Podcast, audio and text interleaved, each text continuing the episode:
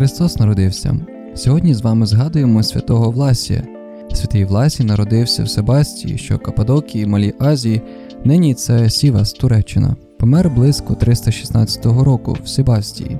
Ранньохристиянський єпископ і мученик один з найпопулярніших середньовічних святих, вшановується як покровитель тих, хто страждає від хвороб горла і тих, хто стриже вовну, а також як один з 14 святих помічників.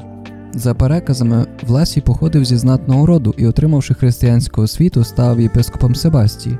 Хоча християнство було прийняте близько 300 року нашої ери як державна релігія у Вірменії, однак римський імператор Ліциній гонив християн, і Власій був викритий та заарештований.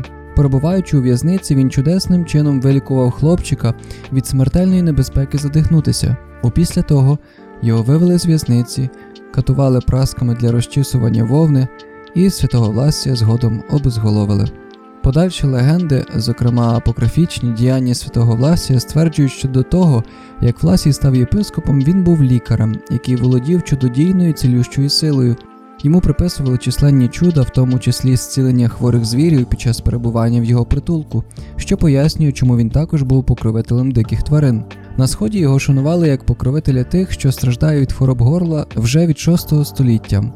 Натомість з 8 століття культ святого Власія поширився по усьому християнству. Благословення святого Власія започатковане в 16 столітті. Це церемонія, яку досі практикують і святкують у день його пам'яті у багатьох місцях.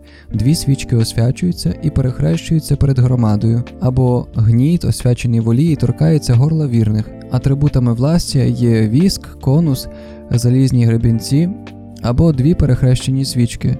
В мистецтві його іноді зображують у печері з тваринами. Запрошую вас, якщо маєте сьогодні можливість і час відвідати святу месу і помолитися, власне, за заступництвом святого Власія, використовуючи цей обряд, щоб отримати зцілення від хвороб горла. Нехай Господь вам благословить, святий Власю, молися нас.